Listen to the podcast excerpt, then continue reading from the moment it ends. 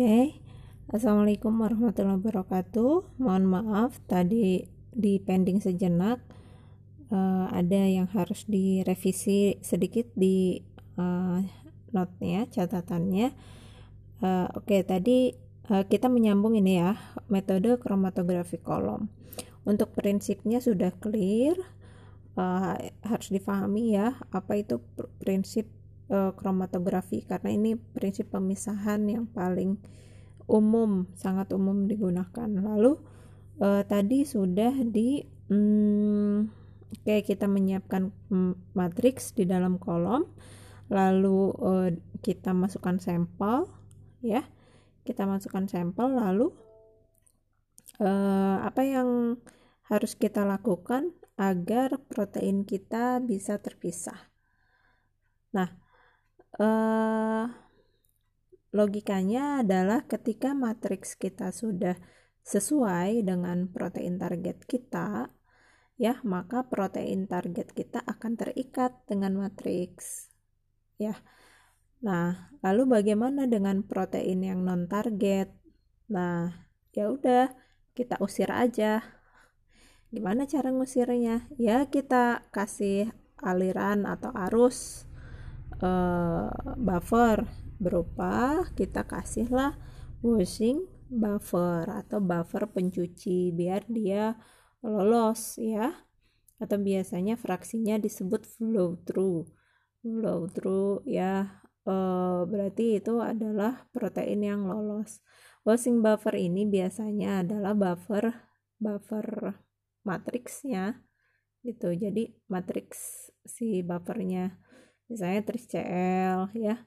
Nah uh, ya, buffer matriksnya TrisCl ya washing buffernya TrisCl juga. Jadi fungsinya ya untuk me mengaliri mengaliri kolom agar terusir gitu ya si protein-protein non targetnya kayak gitu. Jadi si protein targetnya akan keluar lebih dulu itu ya di nomor di fraksi atau di wadah nomor satu Nah, setelah kira-kira uh, flow through-nya sudah keluar semua tuh si protein targetnya, nah lalu kita lakukan uh, apa proses selanjutnya adalah elution atau elusi dengan menggunakan elution, elution buffer ya atau buffer elusi. Nah, elution buffer ini ini adalah uh, spesifik tergantung pada uh, uh, protein kita, pro, interaksi protein dan matriks kita. Jadi misalnya kita ingin memisahkan uh, ikatan ya antara matriks dengan uh, protein kita. Nah, itu caranya apa? Misalnya oh, ternyata ini adalah ikatannya uh, ikatan ion uh, ya ikatan ion. Sehingga kita harus memecahnya dengan atau memutus ikatan matriks dan protein kita dengan uh, kekuatan pH. Saya ada yang kekuatan pH ada yang kekuatan konsentrasi larutan. Nah itu berbeda-beda ya. Nah itu juga harus kita uh, ketahui prinsipnya dan metodenya. Oke? okay? Nah, sehingga uh, terputuslah ikatan antara matriks dan protein target kita. Apa yang terjadi? Kita teruslah elusi lakukan elusi.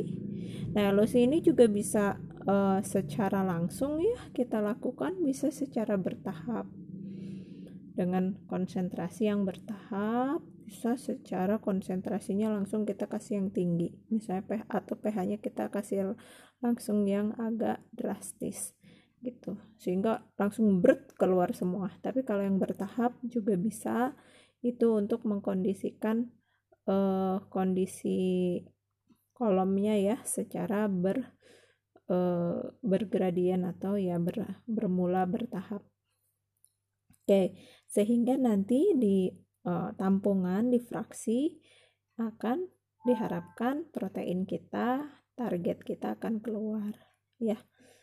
Uh, dan ya kita mendapatkannya gitu. Nah selanjutnya akan kita cek di uh, karakteristik karakterisasi SDS page khusus protein atau western blot misalnya ya. Atau ELISA bisa juga. Kalau dia antibody nah seperti itu jadi prosesnya adalah apa tadi uh, ada tiga proses uh, utama dalam kromatografi kolon itu adalah bind, wash, elute. Uh, ikat, lolos, lepas. Ikat, lolos, lepas. Ikat berarti uh, matriks kita mengikat protein target.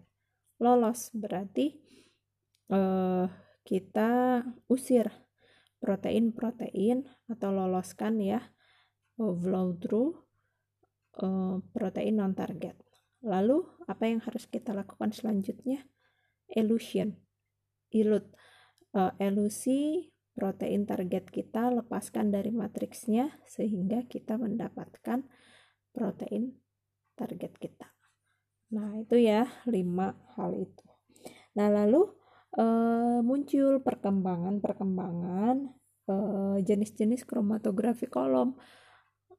Karena setiap protein protein itu punya karakteristik yang sangat bermacam-macam, berbeda-beda.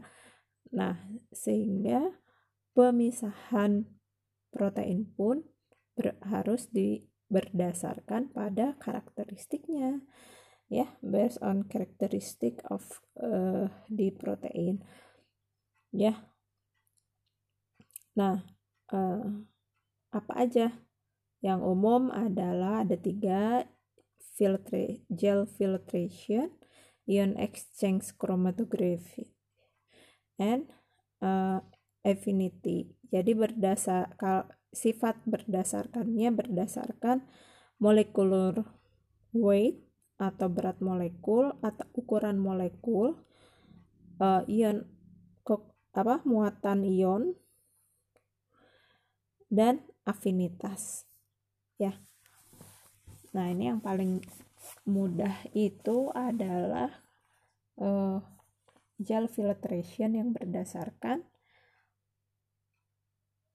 ukuran molekul. Nanti yang membedakannya apa dari uh, ketiga metode ini? Kolomnya sama nggak sama kan kayak gitu aja kolom kaca.